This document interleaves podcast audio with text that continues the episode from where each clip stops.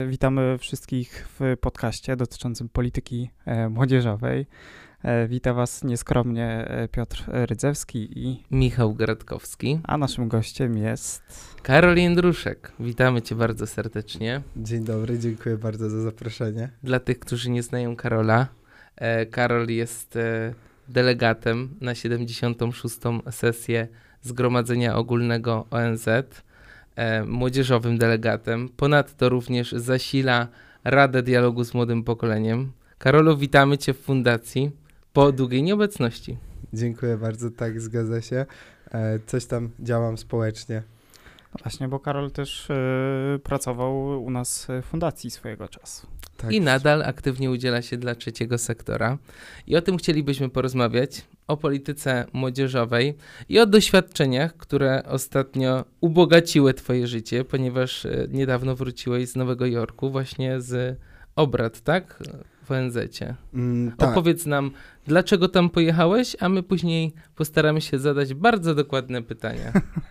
E, tak, jeżeli chodzi o to, to byłem w Nowym Jorku przez dokładnie dwa tygodnie.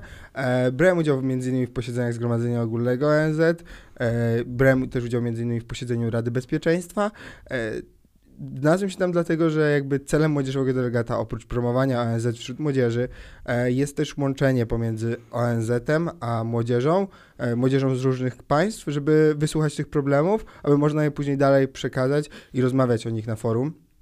E, tak naprawdę, żeby to dobrze robić, e, trzeba wiedzieć trochę, jak pracuje ONZ. E, oczywiście da się to zrobić czytając o tym, przysłuchując się, ale nie ma tak naprawdę lepszej nauki niż doświadczenie czegoś na żywo. I między innymi dlatego wziąłem udział w tym. Na pewno to poszerzyło bardzo moje perspektywy, poprawiło rozumienie całej Organizacji Narodów Zjednoczonych i pozwoli teraz dużo lepiej pracować jako młodzieżowy delegat.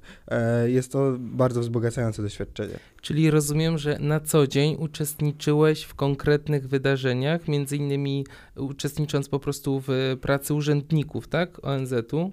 E, czy nie urzędników, ambasadorów z Aha, różnych ambasadorów, krajów. tak? Czyli już E, taka... tak. E, jakby no na e, każdy kraj ma tak, e, swoją misję, stałą misję e, w Nowym Jorku e, i tam ambasadorzy i też dyplomaci e, o różnym stopniu funkcji po prostu biorą udział w posiedzeniach, e, rozmawiają, dyskutują ze sobą, e, zgłaszają różne rezolucje, negocjują je, e, więc e, jakby brałem, byłem częścią tego. E, mam nadzieję, że godnie reprezentowałem Polskę. No, mamy nadzieję. Mamy tak, tak, tak. Zobaczymy. Na razie nie ma żadnych artykułów jakichś negatywnych o panu Karolu, więc.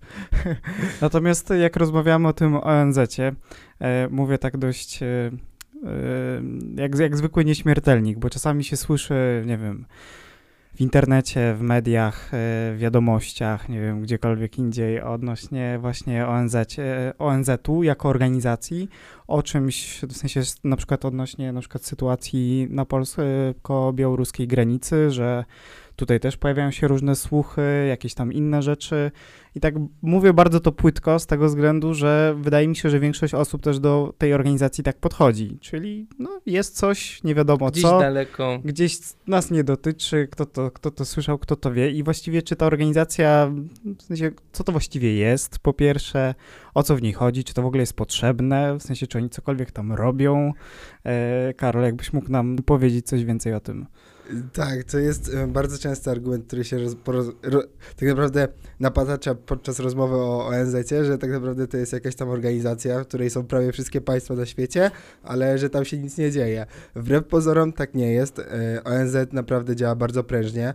E, Jest największą organizacją tak naprawdę międzynarodową, zrzeszającą 193 państwa, jeżeli dobrze pamiętam, i trzy państwa, które, trzy organizacje, które nie są członkami. Jest to właśnie Watykan, jest to Związek Maltański, jest to Palestyna e, i tak naprawdę celem ONZ-u nie są jakieś działania takie doraźne, e, których my byśmy może czasami oczekiwali. Oczywiście również ONZ je podejmuje. E, celem ONZ-u jest tak naprawdę to, że on zrzesza te państwa i pozwala im rozmawiać. Jest takim forum do dyskusji, do kreowania trendów, do pokazywania problemów i tak naprawdę nam często nie zdawalibyśmy sobie problem, e, sprawy z tego, jakie problemy mogą mieć państwa nadmorskie, jakieś na przykład e, małe wyspy, e, jakieś państwa na przykład w Ameryce Południowej. Nie zdawalibyśmy sobie z tego problemu, albo nawet nie wiedzielibyśmy, e, jakie problemy dotyczą małych państw afrykańskich, gdzie Polska na przykład bardzo e, prężnie udziela się w misjach humanitarnych. Więc jakby naprawdę działanie ONZ-u to jest przede wszystkim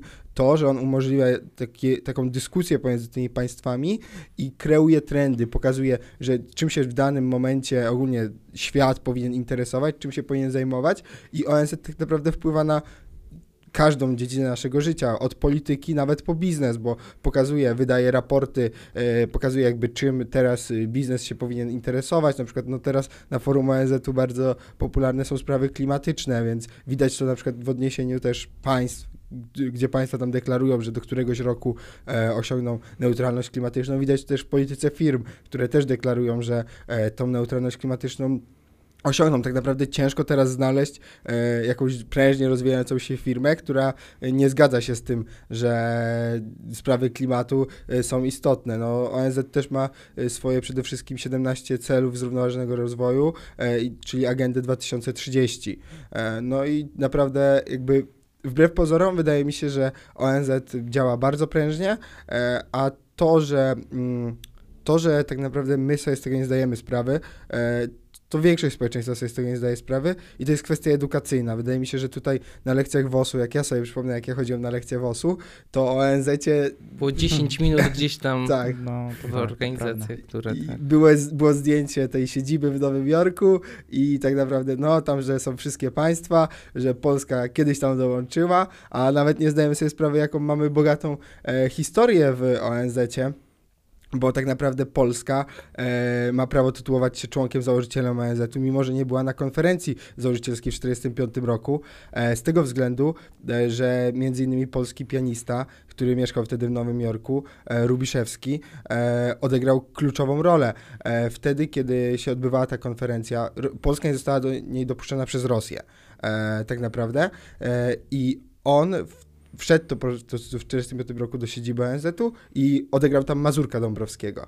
I biorąc pod uwagę ten czyn, e, wprowadzono coś takiego, że e, w 1942 była już taka konferencja przygotowująca do założenia ONZ-u i państwa, które brały, i wprowadzono coś takiego, że państwa, które brały udział w tej konferencji w 1942 roku, w którym była Polska i w 1945 mogą się tytułować państwami założycielami, więc Polska ma prawo mieć ten tytuł.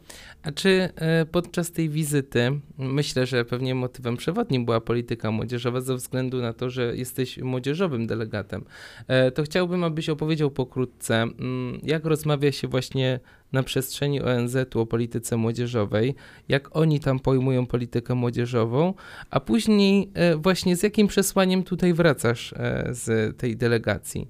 E, Co powinno się zmienić w polskiej polityce młodzieżowej? Przed jakimi wyzwaniami według Ciebie stoi właśnie aktualna polityka młodzieżowa w Polsce? Czy tak naprawdę większość krajów, znaczy nie większość, mniejszość krajów zrzeszonych w ONZ ma swoich młodzieżowych delegatów i to ich tak naprawdę zadaniem jest dyskutowanie o polityce młodzieżowej, e, wynoszenie tych problemów dalej, organizowanie jakichś e, wydarzeń. E, No nam w Polsce udało się między innymi w ramach IGF-u zorganizować wydarzenie o między innymi e-sporcie. Jest to Bardzo dotyczy- bliski ta-. Jest mi bliski, ale też dotyczący e, młodych ludzi tak naprawdę. No, gaming, e-sport to są tematy, które e, większości młodych ludzi dotyczą i coraz większej ilości młodych ludzi. Ale chyba też po raz pierwszy, tak? Na IGF-ie był ten panel taki młodzieżowy, w sensie to była taka nowość, której wcześniej nie było zupełnie. Y, tak, to był po raz pierwszy taki, w ogóle ten, ten młodzie, te młodzieżowe kwestie były poruszane, no a jest to największe forum internetowe tak naprawdę na świecie, więc to też duży, duży ruch do przodu.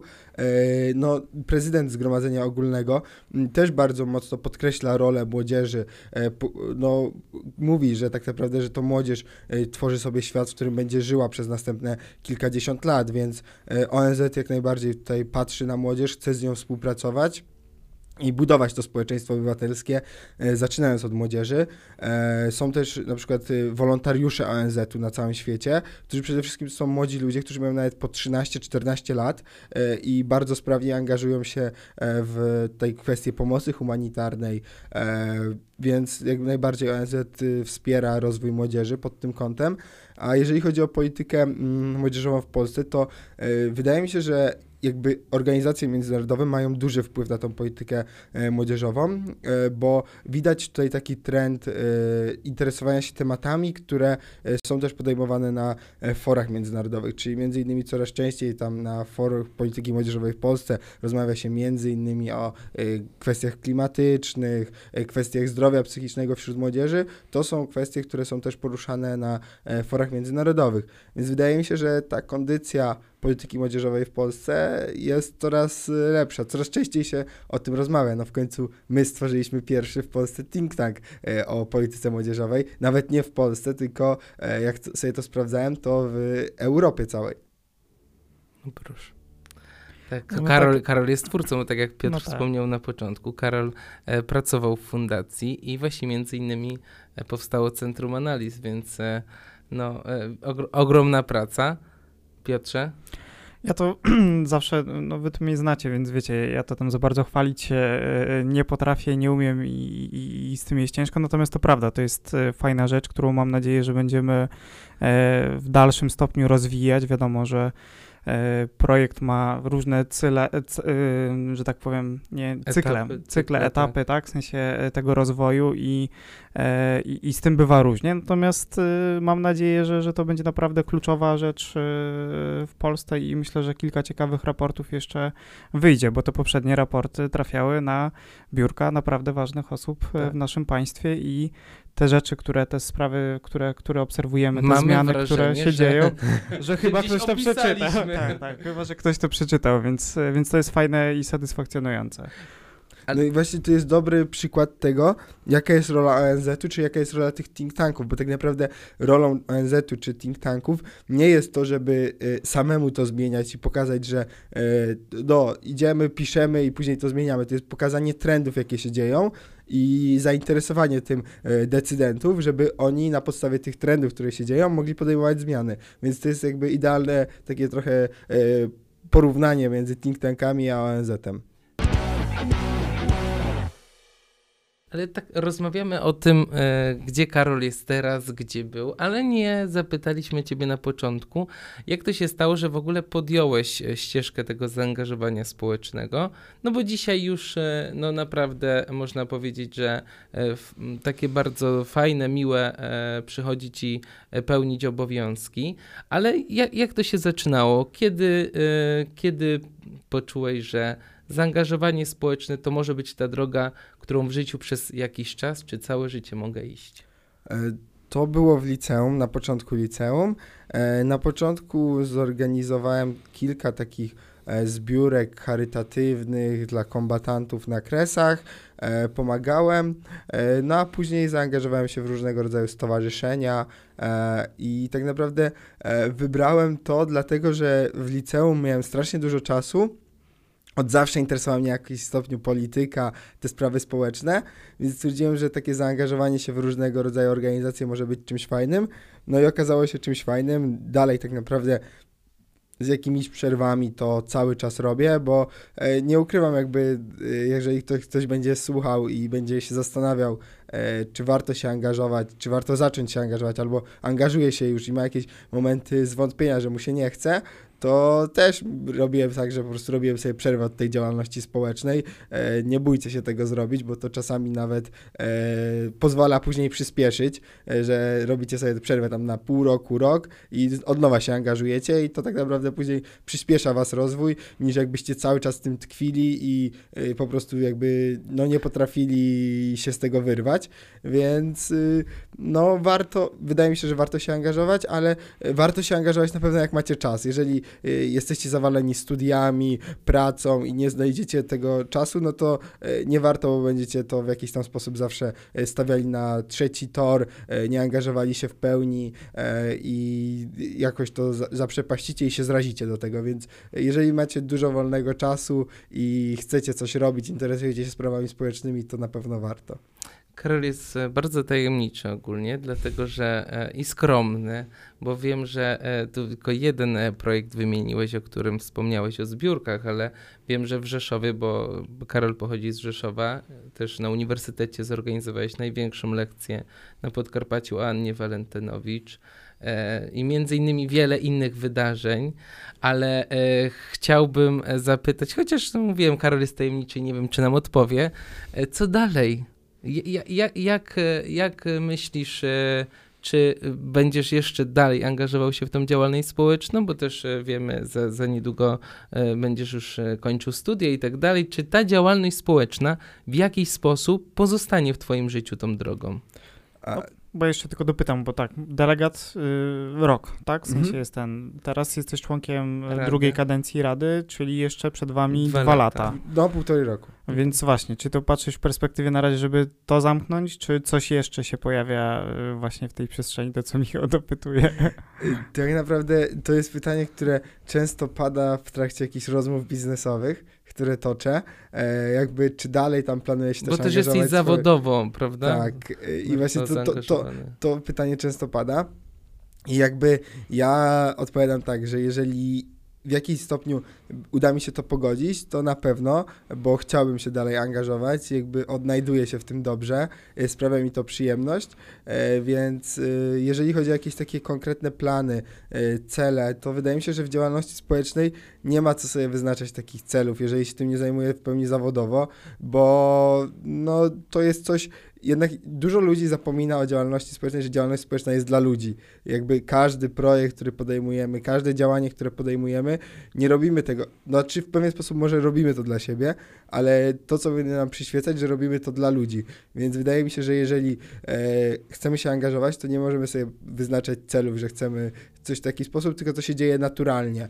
I jakby myślę, że to się będzie dalej toczyło w jakiś tam sposób naturalnie i co, coś tam się uda zdziałać. No teraz, tak jak jeszcze przez pół roku y, kwestia młodzieżowego delegata do NZ-u, e, przez półtorej roku kwestia Rady Dialogu z Młodym Pokoleniem, no i zobaczymy, co dalej. No bo też powiedziałeś e, o tym, że w sensie opisywałeś tak jakby, tak, że w- według ciebie w sensie jest tak, że jeśli ktoś coś się angażuje tak jakby, no to daje siebie dużo, ma na to czas, e, podejmuje się zobowiązań i je realizuje. No też jest tak, że to też bym nie przekreślał, że na przykład nasi słuchacze e, lub osoby, które, które nas oglądają mogą tak poczuć, a no to ja w takim razie nic nie będę robić, nie? Czasami są, wydaje mi się, że takie wydarzenia czy akcje, które można jednorazowo na przykład e, się zaangażować, typu jakaś szlachetna paczka e, czy coś takiego i wydaje mi się, że do tego też zachęcamy. Natomiast jeśli rozmawiamy o takim I właśnie takiej, takiej stałej pracy i tak dalej, to je, przynajmniej ja się z tym spotykam dalej, że ja na przykład mówię, czym się zajmujesz, tak? W sensie ja mówię, że pracuję w fundacji, e, takiej fajnej fundacji inicjatyw młodzieżowych.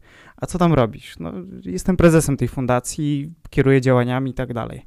O matko, a, a gdzie pracujesz? W sensie, e, a ci tam płacą? W sensie, e, więc No tak, bo też to, to Też- zupełnie jeszcze to jest chyba takie w Polsce trochę nierozpoznane i ale do czego zmierzam? Zmierzam do tego, że no, my jako fundacja, czy w sensie też inne patrząc na organizacje, które działają, no to zaczynają w sensie działać tak profesjonalnie, w sensie jest bardzo dużo dużych organizacji, które e, i to też się wy, wy, wywodzących w sensie z różnych takich środowisk, które profesjonalizują tak jakby te swoje działania, robią wiele dobrych w sensie rzeczy. My też przecież realizujemy tak naprawdę e, założenia ustawowe i tak dalej, tak? W sensie wpływamy na społeczeństwo obywatelskie, tak? W sensie realizujemy zadania tak naprawdę państwa e, w tym zakresie, ale do czego zmierzam, że w- ostatnim czasie jest tak jakby wysyp różnych organizacji, e, Inicjatyw inicjatyw i tak dalej, i tak dalej, to obserwujemy e, wielokrotnie. No my mamy o tyle szczęście, że na przykład jeśli chodzi o, o, film, tak, no to on działa już prawie 10 lat. więc mamy też swoje projekty, Mamy swoje projekty, już pewne rzeczy. prowadził Karol. Dokładnie.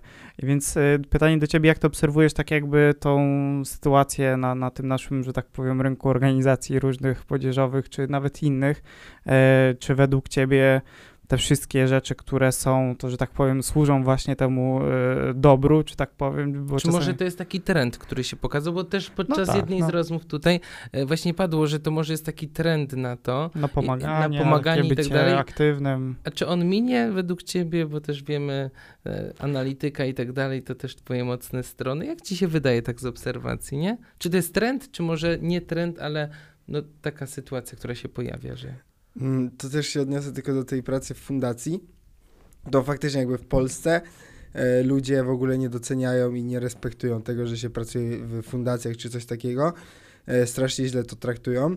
E, co jest na przykład co innego na zachodzie. Na zachodzie ludzie, którzy są dorośli, mają tam po 40-50 lat, pracują w różnego rodzaju fundacjach, think tankach i to jest traktowane tak naprawdę na równi z pracą w e, korporacjach czy w biznesie, więc jakby w Polsce widać to, że to jest trochę e, traktowane tak e, po macoszemu, można to nazwać, ale to się wydaje mi się, że się w pewnym stopniu tam zmienia i to się zmienia przez między innymi dobre organizacje, które działają w świetny sposób, które promują to, co robią i naprawdę realizują fajne projekty. E, między innymi taką e, fundacją jest Fundacja Inicjatyw Młodzieżowych i ona przyczynia się do zmiany tego podejścia, e, tego biznesu, czy ogólnie społeczeństwa na wizerunek fundacji i jak widzą taką fundację, no to faktycznie ta fundacja coś robi.